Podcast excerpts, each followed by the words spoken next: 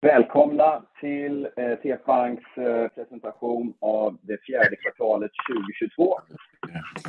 Vi vänder blad till sidan 2 och lite highlights.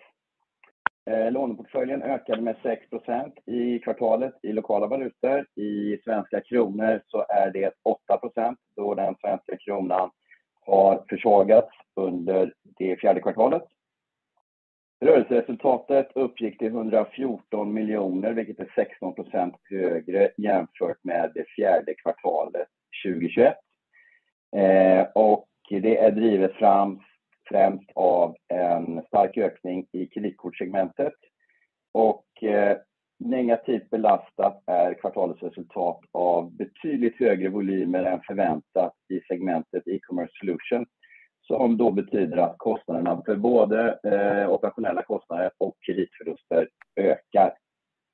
Eh, också glädjande är att Jolly Room, en av eh, Nordens större e-handlare, är live med våra betallösningar i alla de nordiska marknaderna sedan i slutet av december. Styrelsen har också kommit fram till att det bästa för bolaget är att vi lämnar ingen utdelning då vi ser goda möjligheter att Eh, växa EPS och eh, eh, till god avkastning under 2023. Vi vänder blad till sidan 3 och ska vi prata lite om våra segment. Vi börjar med vårt största segment, Consumer Lending. Det är ju en väldiversifierad portfölj med tyngdpunkt i Norden och snittlånet är 69 000 kronor, vilket då ligger på den låga sidan eh, bland våra konkurrenter. Våra snittlöptider också relativt korta, vilket är då eh, den riskhanteringsmetodik som vi tycker är eh, den lämpliga och den bästa för oss. Vi ser också, om vi tittar nere till den högra sidan, så ser vi att vi har prisat upp oss i fronten. Eh, givetvis då beroende på att vi har eh, haft ränteökningar sedan eh, Q3. Vi ser att vi väl kan kompensera för dem i den nya lånen som vi ger ut. Det gäller då för båda segmenten inom segmentet, det vill säga både Östeuropa och då i Västeuropa. Vi sitter nu och lånar ut i Östeuropa på runt 20% effektiv ränta och i Västeuropa strax under 15%. Eh, eh, vi eh, har också jobbat med att höja vår lånebok, höja räntemarginalen på den. Det där är någonting när det går väldigt fort i ränteökningssidan så är det ett läge, en tidsförskjutning i hur fort vi kan höja räntorna till konsument för att kompensera oss. Eh, det beror på de konsumentlagarna och eh, de kontrakt vi har. Vi ser nu att vi börjar komma i kapp och framför allt så ser vi in i Q1 att eh, vi är i kapp med ränteökningarna. Vi kommer få en förstärkt räntemarginal och det ser vi redan i kvartalet. Men Det finns en lag där. Kreditkvaliteten i segmentet har varit stabil. Vi ska dock säga att det är en uppgång, Eh, framför allt lite i Baltikum. Eh, den är mycket eh, liten i procent, men det är definitivt en liten försvagning. Vi ser också framåt och vi ser inget dramatiskt som händer, men det är en försämring i kreditkvalitet, vilket resulterar i en högre kreditförlustnivå. Vi vänder blad sidan 4. Kreditkort. Otroligt eh, positivt att se att vi har växt verksamheten under året med 93%. Eh, vi har alltså eh, rekordvolymer i det fjärde kvartalet när det kommer till användande av kortet. Tyskland växer på väldigt fint och även Österrike har så att säga kommit in i nivån där vi har kostnadstäckning under kvartalet. Så eh, Det kommer också eh, vara en positiv bidragare framåt. Aktiva kunder så har vi 141 000 aktiva kreditkortskunder och portföljen är då eh, drygt knappt 3.3 miljarder vid utgången av kvartalet i svenska kronor. och vi är nu uppe på 22% av den totala tillgångsmassan ITF Bank i segmentet. Det här är ju det segment vi ser framför oss och kommer att fortsätta att växa eh, väldigt snabbt eh, vidare. Vi vänder blad till sidan 5. E-commerce solutions. Eh, otroligt höga transaktionsvolymer under fjärde kvartalet. Betydligt högre än vad vi kanske hade trott, givet då den makroekonomiska situationen där handeln i övrigt eh, kämpar. Eh, transaktionsvolymen för oss är alltså upp med 40% jämfört med motsvarande kvartal eh, 2021. Det betyder att vi tar marknadsandelar inom det här segmentet. Vi ska väl också säga att lönsamheten är vi inte helt nöjda med i det här kvartalet. Eh, jämför vi det med motsvarande kvartal förra året så är det betydande nedgång. Mycket av det är drivet av den höga efterfrågan och höga transaktionsvolymen som medför eh, kostnader omedelbart och eh, intäkterna då kommer senare och det kommer Q1 och framåt. Det är också väldigt roligt att se att som sagt, vi har goda möjligheter att fortsätta att ta Eh, marknadsandelar i eh, segmentet. Eh, sen Har vi haft problem med segmentet i Polen under kvartalet och även tidigare i 2022 med att transferera en extremt snabbt ökande upplåningskostnad och transferera den till konsumenterna. Det där är någonting som pågår och kommer ha en betydligt mindre påverkan under 2023 än vad vi har sett under 2022. Vi vänder blad till sidan 6 och bara tittar på eh, underliggande tillväxt. Det här är då i svenska kronor. Vi ser att vi har haft en tillväxt på 35% under året i låneboken. Eh, givetvis mycket har varit eh, valutadrivet. Svenska kronan har försvagats mot i princip alla andra valutor. Eller inte i princip, det är faktiskt alla valutor. Under kvartalet så hade vi en lokal valutatillväxt på 6% som jag nämnde tidigare, men i svenska kronor är det 8%. Att en tredjedel av tillväxten var då valutarelaterad under kvartalet. Eh, Consumer lending växer med eh, 22% under kvartalet, varav 7% är valutarelaterat. Eh, det är en ganska stor påverkan vi har haft under 2022.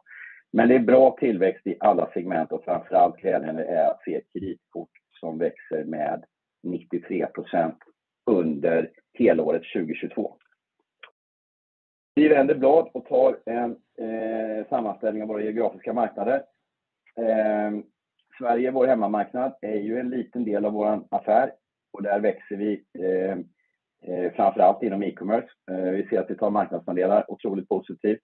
Vi ser också vissa tecken på att konkurrensbilden håller på att ändra sig till det positivare hållet inom konsumentlån. Men Det är lite tidigt att dra några längre slutsatser av det.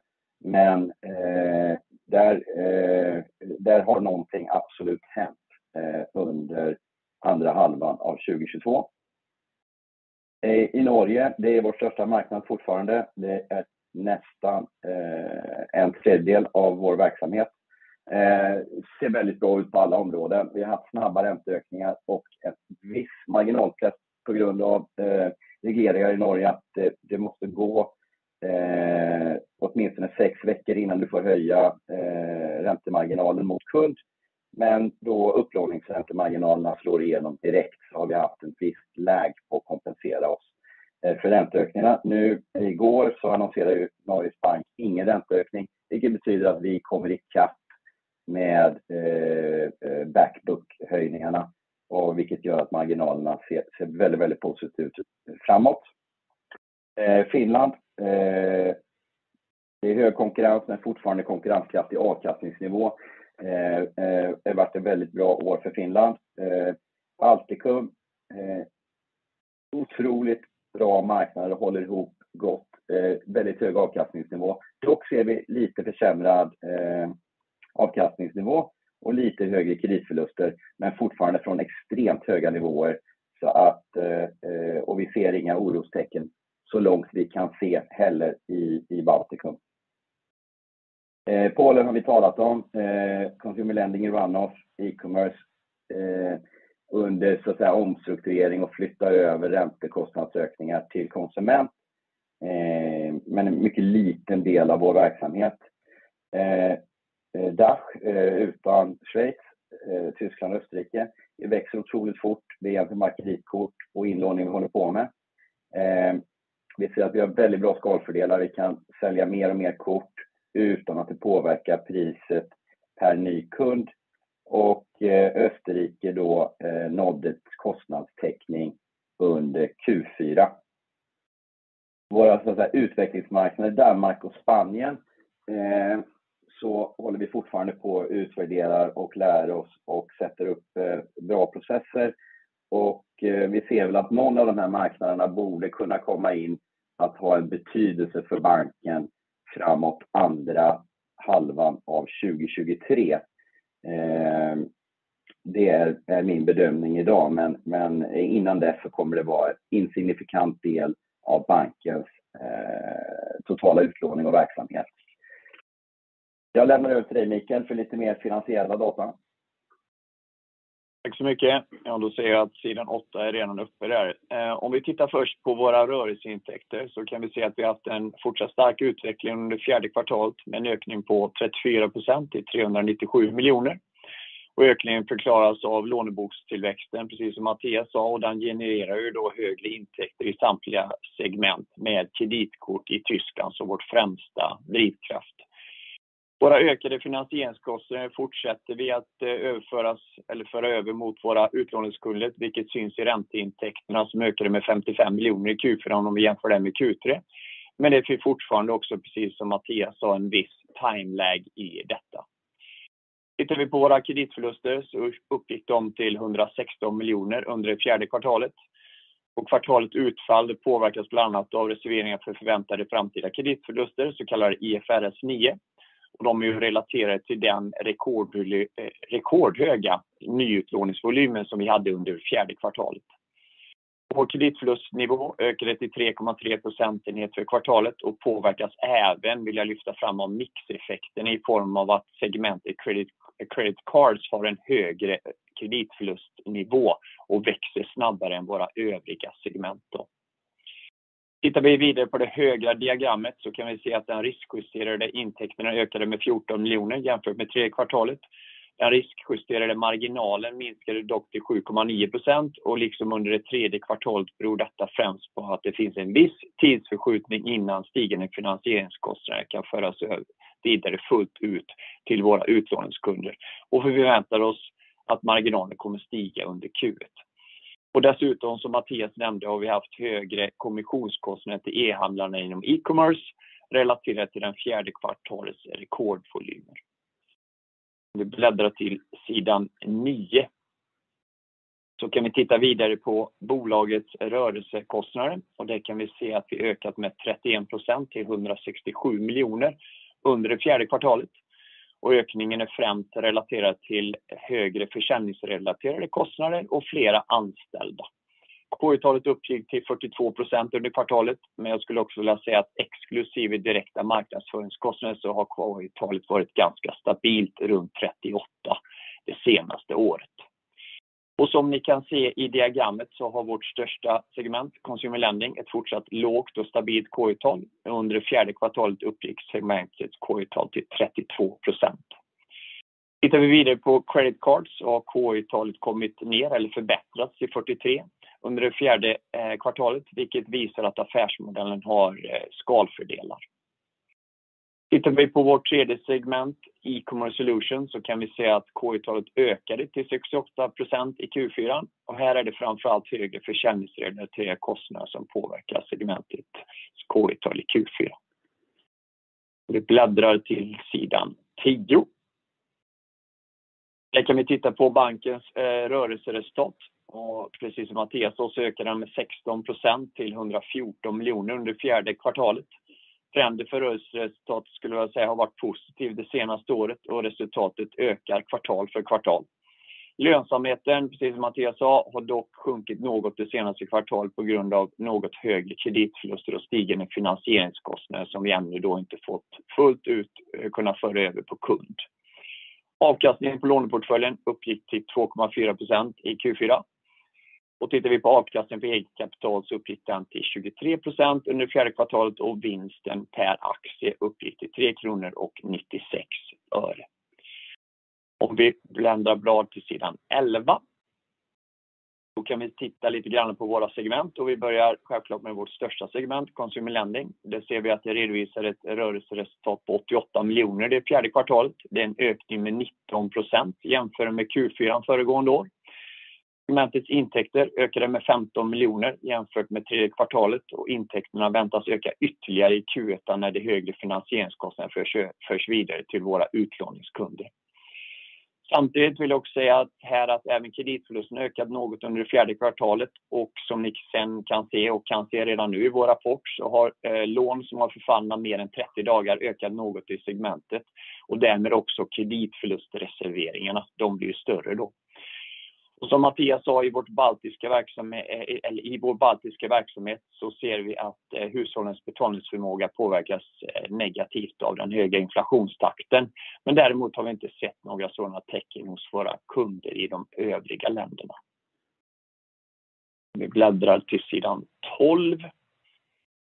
Kan vi där se att vårt andra största segment är Credit Cards. Här ser vi en fortsatt mycket positiv trend och resultatet ökade med hela 22 miljoner under det fjärde kvartalet. Rörelseintäkterna ökade med hela 106% jämfört med motsvarande period föregående år, vilket främst då är hänförligt till den höga tillväxten i Tyskland. Segmentets avkastning på låneportföljen uppgick till 2.2% under det fjärde kvartalet. Här vill jag också lyfta fram att segmentet påverkas av marknadsföringskostnader som tas upfront i redovisningen. Under Q4 valde vi att lägga cirka 4-5 miljoner mindre på direktmarknadsföring, vilket påverkar kvartalets resultat positivt. Under årets första kvartal väntas eh, kostnaden för marknadsföring att ligga närmare de utfallen som vi haft i Q2 och Q3. Om vi bläddrar till sidan 13 och tittar då på vårt eh, tredje segment, E-commerce Solution. Här uppgick eh, rörelseresultatet till 4 miljoner det fjärde kvartalet och nedgången jämfört med tidigare kvartal beror framför allt på kvartalets rekordvolymer som genererade ökade försäljningsrelaterade kostnader och högre reserveringar för framtida eh, kreditförluster.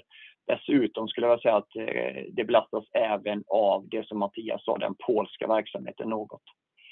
En annan förklaring till det lägre rörelserätt som jag faktiskt vill lyfta upp är att de stigande finansieringskostnaderna inte fullt ut har förts vidare på kund. Detta avser ju både vår verksamhet i Östeuropa och i Norden. Vi har initierat prishöjningar, men de här effekterna på segmentets intäkter kommer med en längre tidsförskjutning än i våra övriga segment. Det kan vara bra att komma ihåg. Om vi bläddrar till sidan 14 och tittar lite grann på bankens finansiering och likviditet, eh, så kan vi se att under fjärde kvartalet har vi tagit in nästan 200 miljoner euro i tysk inlåning eh, med både fast och rörlig ränta. Andelen fasträntekonton ökade till 32% vid utgången av kvartalet och eh, vår likviditetsreserv uppgick till 20% av ingången från allmänheten. Merparten av likviditeten är placerad i belåningsbara statsskuldsförbindelser. Under andra eh, halvåret har vi också omallokerat våra pengar från centralbanken till belåningsbara statsskuldsförbindelser för att optimera den eh, justerade avkastning på likviditetsreserven.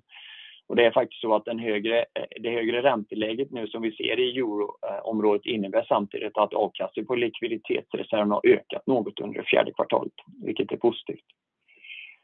Om vi sedan bläddrar till sidan 15 kan vi titta på våra kapitalrelationer så Kan vi se att utgången av året uppgick kärnprimärkapitalet till 12.3 procentenheter, primärkapitalrelationen till 13.9 och den totala kapitalrelationen till 15.6. Samtliga kapitalrelationer har påverkats negativt av tillväxten för låneportföljen.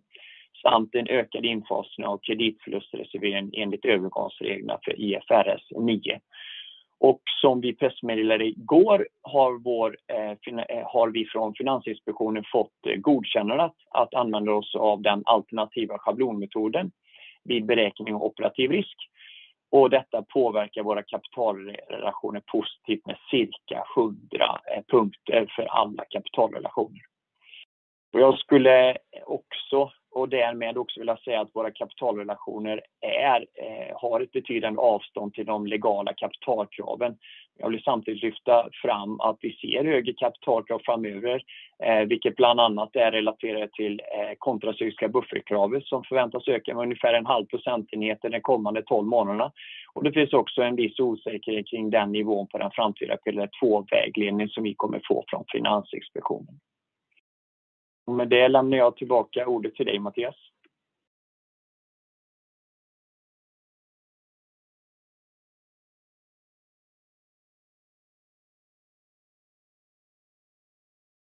Du på mute där, Mattias bara.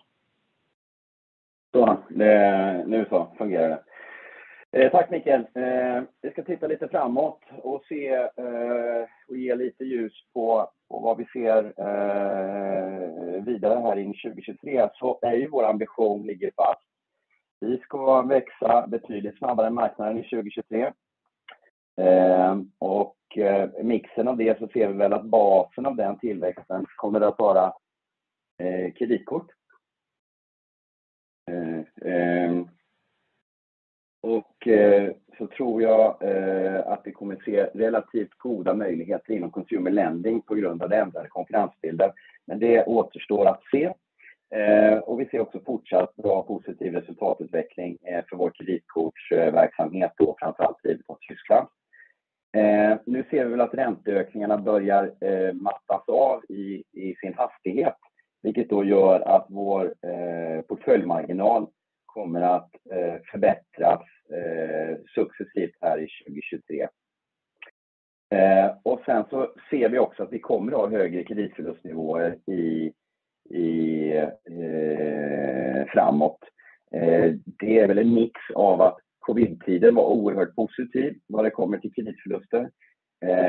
Vintertiden är alltid lite sämre i consumer finance-segmentet och att det finns en Eh, något försvagad betalningsförmåga hos eh, våra kunder.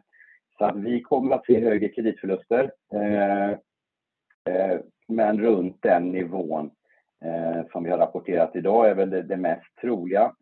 Inte några stora avvikelser från det.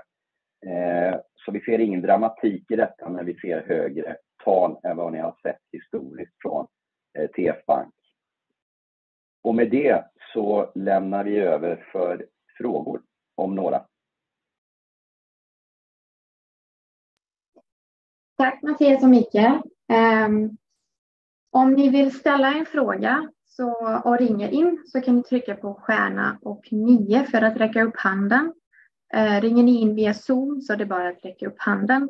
Vill ni dra tillbaka er fråga kan ni också trycka på stjärna 9 på telefon eller ta ner handen i Zoom. Eh, eh, för er som har ringt in, eh, jag kommer be er att gå på unmute och då får ni trycka antingen stjärna 6 eller så får ni trycka unmute på era telefoner. Första frågan då kommer från ett mobilnummer som slutar på 0722. Så Jag ger dig ordet.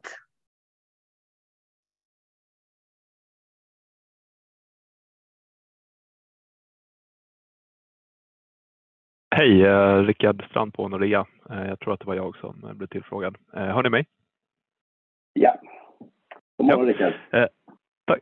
God morgon. Börjar med fråga kring tillväxt och hur ni resonerar. Nämnde Mattias att ni fortsätter och vill växa betydligt snabbare än marknaden generellt. Jag tänkte liksom om ni kunde utveckla hur ni ser på balansen mellan tillväxt, lönsamhet och eh, risken för stigande kreditförluster givet att vi rör oss mot en liksom försämrad makro, eh, makromiljö. Eh, och om det är någonting som har förändrats egentligen vad gäller era volymambitioner givet då att ni säger också att konkurrensen håller på att avta om det kan göra så att ni eventuellt också kan vilja slå av lite på tillväxttakten och istället försöka få upp eh, marginalerna ännu mer eh, och hålla tillbaka eh, risken för kreditförluster. Vi kan börja där. Vi kan börja med den frågan. Jag tar den i två delar. Absolut, så är konkurrensbilden något annorlunda, vilket betyder att du kan ha, ehm, du kan alltså styra mot lite bättre kvalitet på kunderna på gruppnivå. Det är ju det vi gör och du får ungefär samma eh, betalt som tidigare. Det finns liksom en ökat pris på risk, eh, vilket är väldigt positivt för oss. Vi har väl liksom, eh, vi styr kontinuerligt mot något lägre risk i alla marknader, men vi får ungefär samma betalt.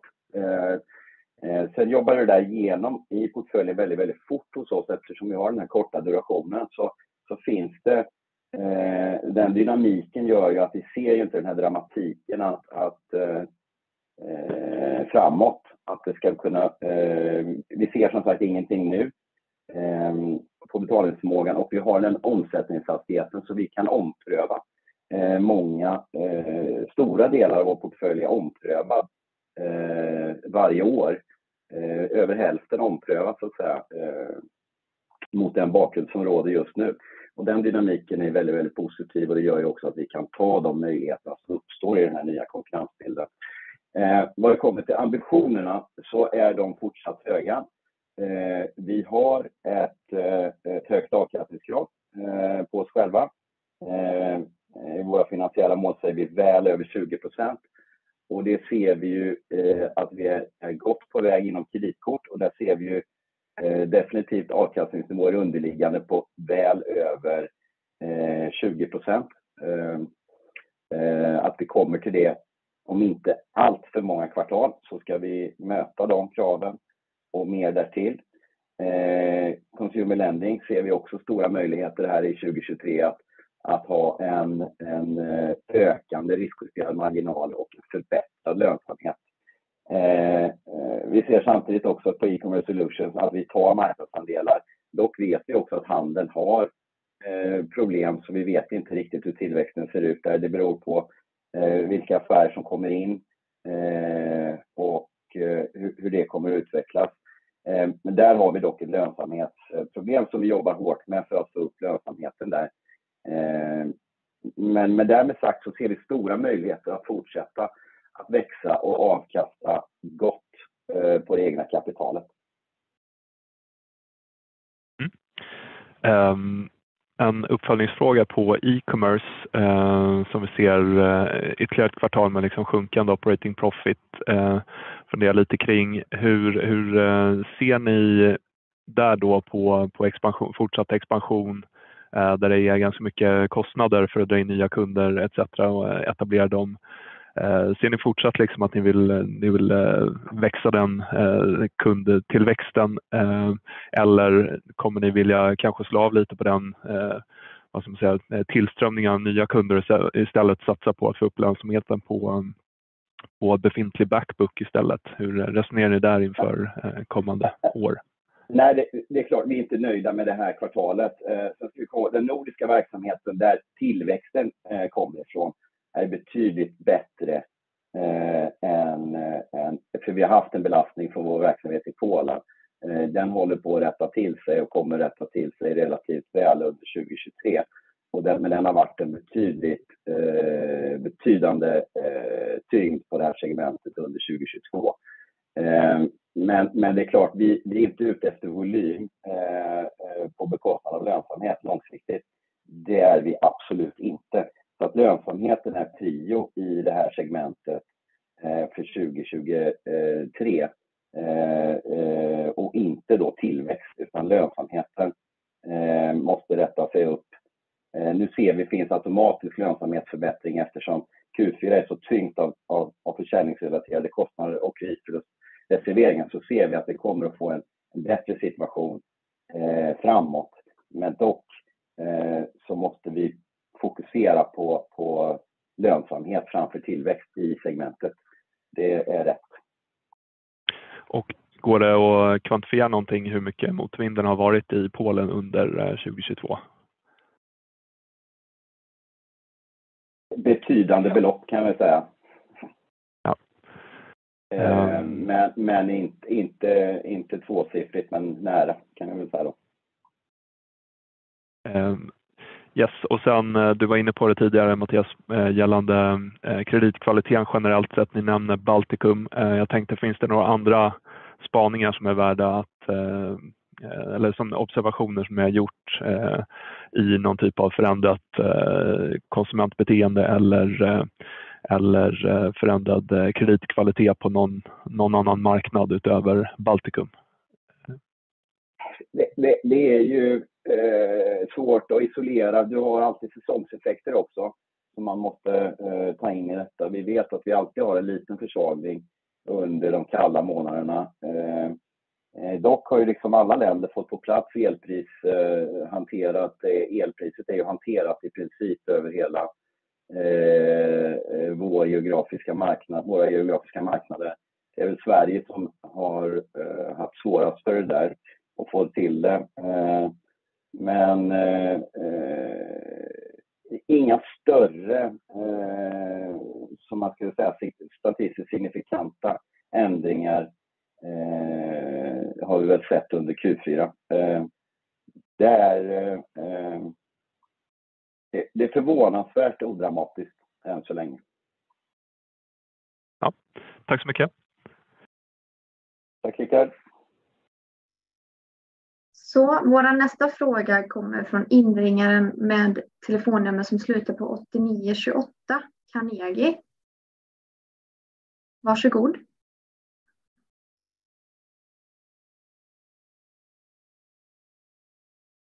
Nu ska vi se om jag är unmuted. Kan ni höra mig? Jajamensan. God morgon. Perfekt. God morgon, god morgon. Eh, jag har eh, tre frågor. Vi tar dem i tur. En på kapital, en på kreditförluster och en på NII. Eh, vi börjar med kapitalet. Ehm, det var ju väldigt länge sedan vi pratade om kapital som någon form av begränsning för tillväxt. Ehm, men Det kommer upp lite grann i när ni pratar. Ehm, vill jag bara se hur ni faktiskt ser på kapitalet. Är det att ni är väldigt försiktiga eller tror ni att vi faktiskt kan komma redan nu under 2023 att ni måste fundera på hur snabbt ni växer eh, för att liksom hålla kvar kapitalet? Ni konsumerar väl 100 punkter under året som ni sen fick tillbaka via den här nya kapitalmodellen.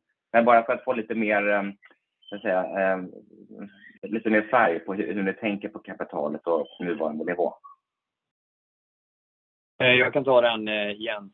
Eh, vi är ju lite mer eh, försiktiga för att prioriteringen är i ordningen tillväxt. Det betyder ju inte på något sätt att vi kommer gå ner i lönsamhetsnivåer där vi drar på kapital på det sättet. Men Det är ju faktiskt så att det finns en osäkerhet där ute om de framtida spelare 2-vägledningarna. Vi vill ju inte att ett sådant krav, om det skulle komma under 2023, stoppar våra ambitioner för vår tillväxt. Det är så du ska se eh, hela den här, vad ska man säga, valet av styrelsen egentligen. Det är oerhört viktigt att inte pilla på eh, vår position och där vi är på väg egentligen. Det är viktigare eh, än att eh, dela ut någon krona här eller där. För Det är också så att skulle vi få ett Pillar 2-vägledning och ett krav som är på en nivå så det finns möjlighet för utdelning, så kommer ju säkerligen styrelsen föreslå till stämman att dela ut pengar. Absolut. Återhållsamhet på det sättet att vi vill inte tumma på vår EPS-tillväxt. Okej. Jag kan tillägga lite där Jens också, så kastar lite mer ljus på det. Det är klart att vi växer 35% under 2022 och avkastningen på helåret är inte det, utan den långsiktiga eh, tillväxten vi kan ha är ju eh, i princip den avkastningen vi kan ha. Det är ju ungefär där långsiktigt man ska se oss. Ex, exakt. Och, när, och när man, um, om man ska få en liten idé hur, hur ni ser på att nå den här punkten. Eh, det är antingen den ena som behöver komma upp eller den andra komma ner. Men eh, är det liksom 24, 25 eh, någon gång vi pratar om då? Eh, dels så, så har vi ju eh, en, en, ganska god tro på att vi ska kunna hålla den här avkastningsnivån och till och med förbättra den. Eh, men någonstans som du säger, någonstans där borta så, så ska de här sammanfalla eh, mer eller mindre. Eh, och eh, jag ska väl inte säga om det blir 24 eller 25, eh, men, men att vi kommer att göra 35% i tillväxt år eh, efter år efter år och ha en avkastningsnivå som är betydligt lägre. Den ekvationen håller ju inte heller. Eh, så att vi ser väl absolut att vi ska upp lite i avkastning, det är det vi hoppas på. Och, och vi ska ner lite i, i tillväxt från de här 35. Men jag förstår, mycket klart. Ehm, nästa fråga på kreditförluster. Och det, som du säger, Baltikum har varit en drivkraft, IFRS 9 en, en annan. Kan vi, kan vi splitta på de där lite grann så vi får en, en känsla? Och sen så som en följdfråga, tror ni att Baltikum är en indikation på vad som kommer hända i andra marknader eh, som kanske ligger lite efter, det är inte samma inflationstakt men den fortfarande är ju väldigt hög i alla marknader?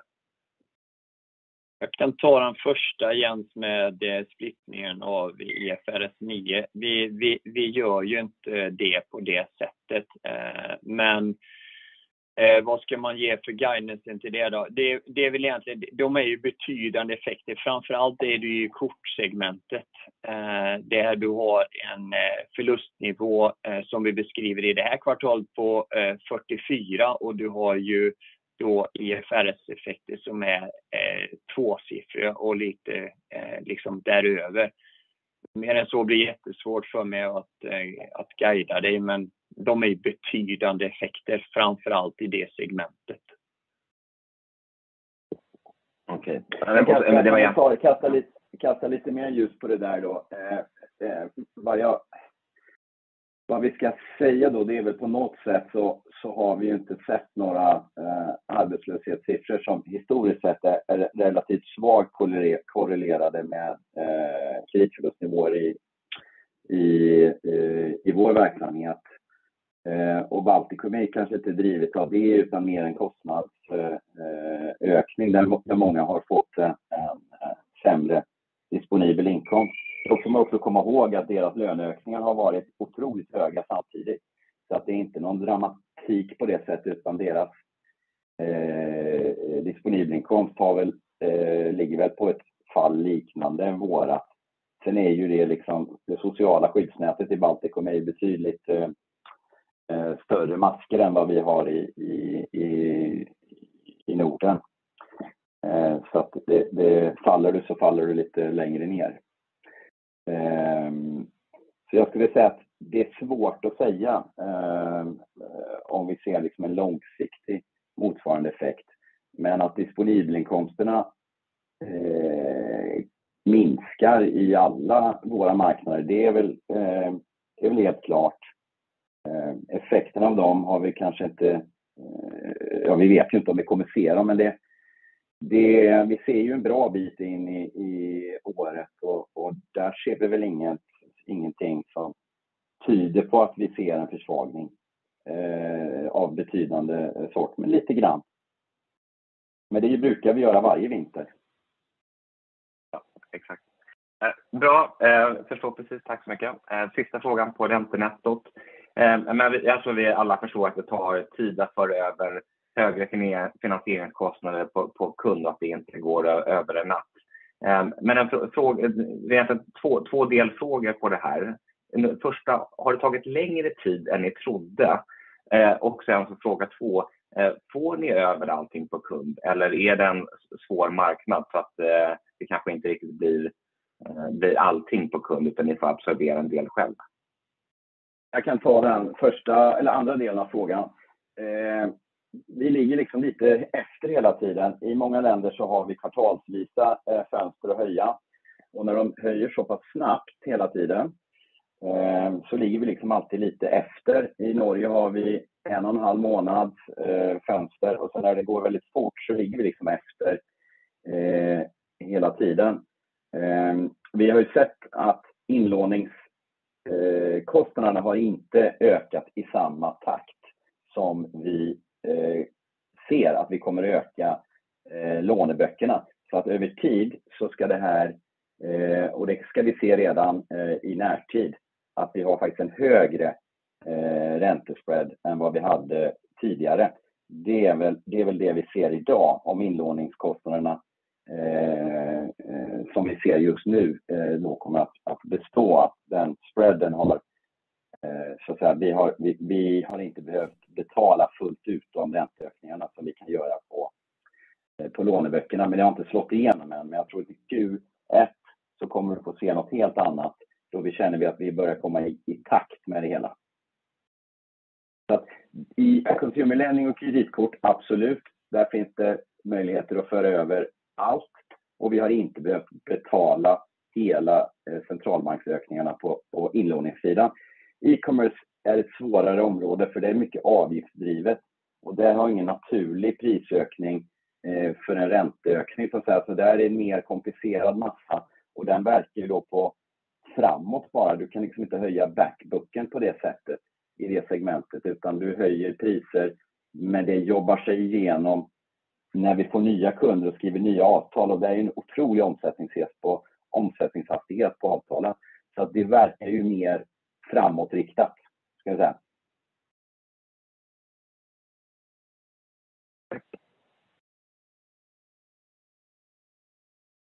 Var det svar på frågan ungefär egentligen?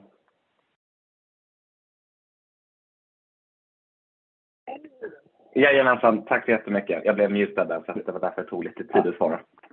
Ja, det är bra. Tack. Ja, eh, var det någon mer som hade en fråga så kan ni räcka upp handen eh, genom att trycka stjärna 9 eh, eller räcka upp handen om ni ringer in via Zoom. Ja, jag ser vi har en fråga från 0722 igen.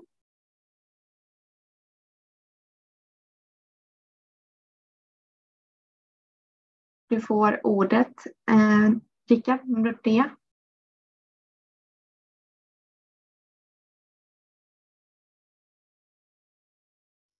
Hör du mig? Ja, vi hör dig jättebra.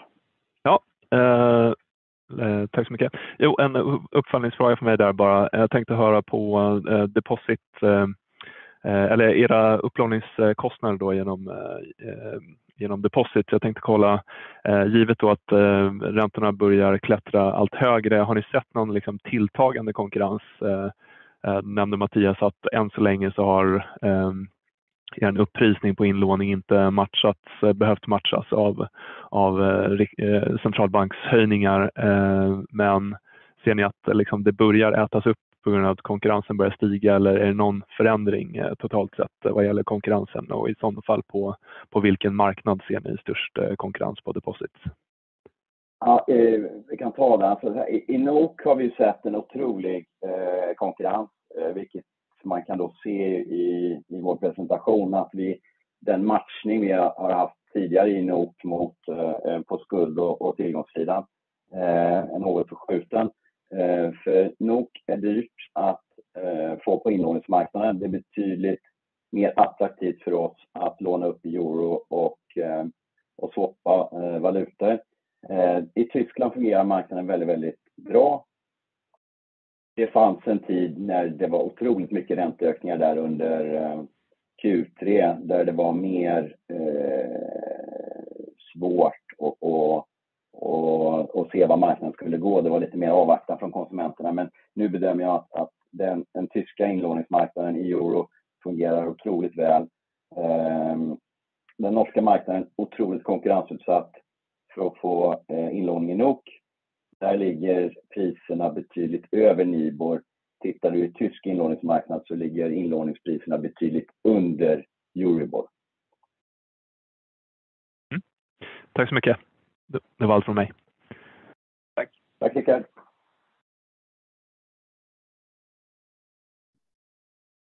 jag ser inte att vi har fått in flera frågor. Ehm, så vi avrundar och jag lämnar tillbaka ordet till eh, Mattias och Mikael. Tackar för eh, detta. Eh, vi eh, får önska er en eh, fin fredag och så ses vi igen i eh, april för presentation av Q1. Tackar!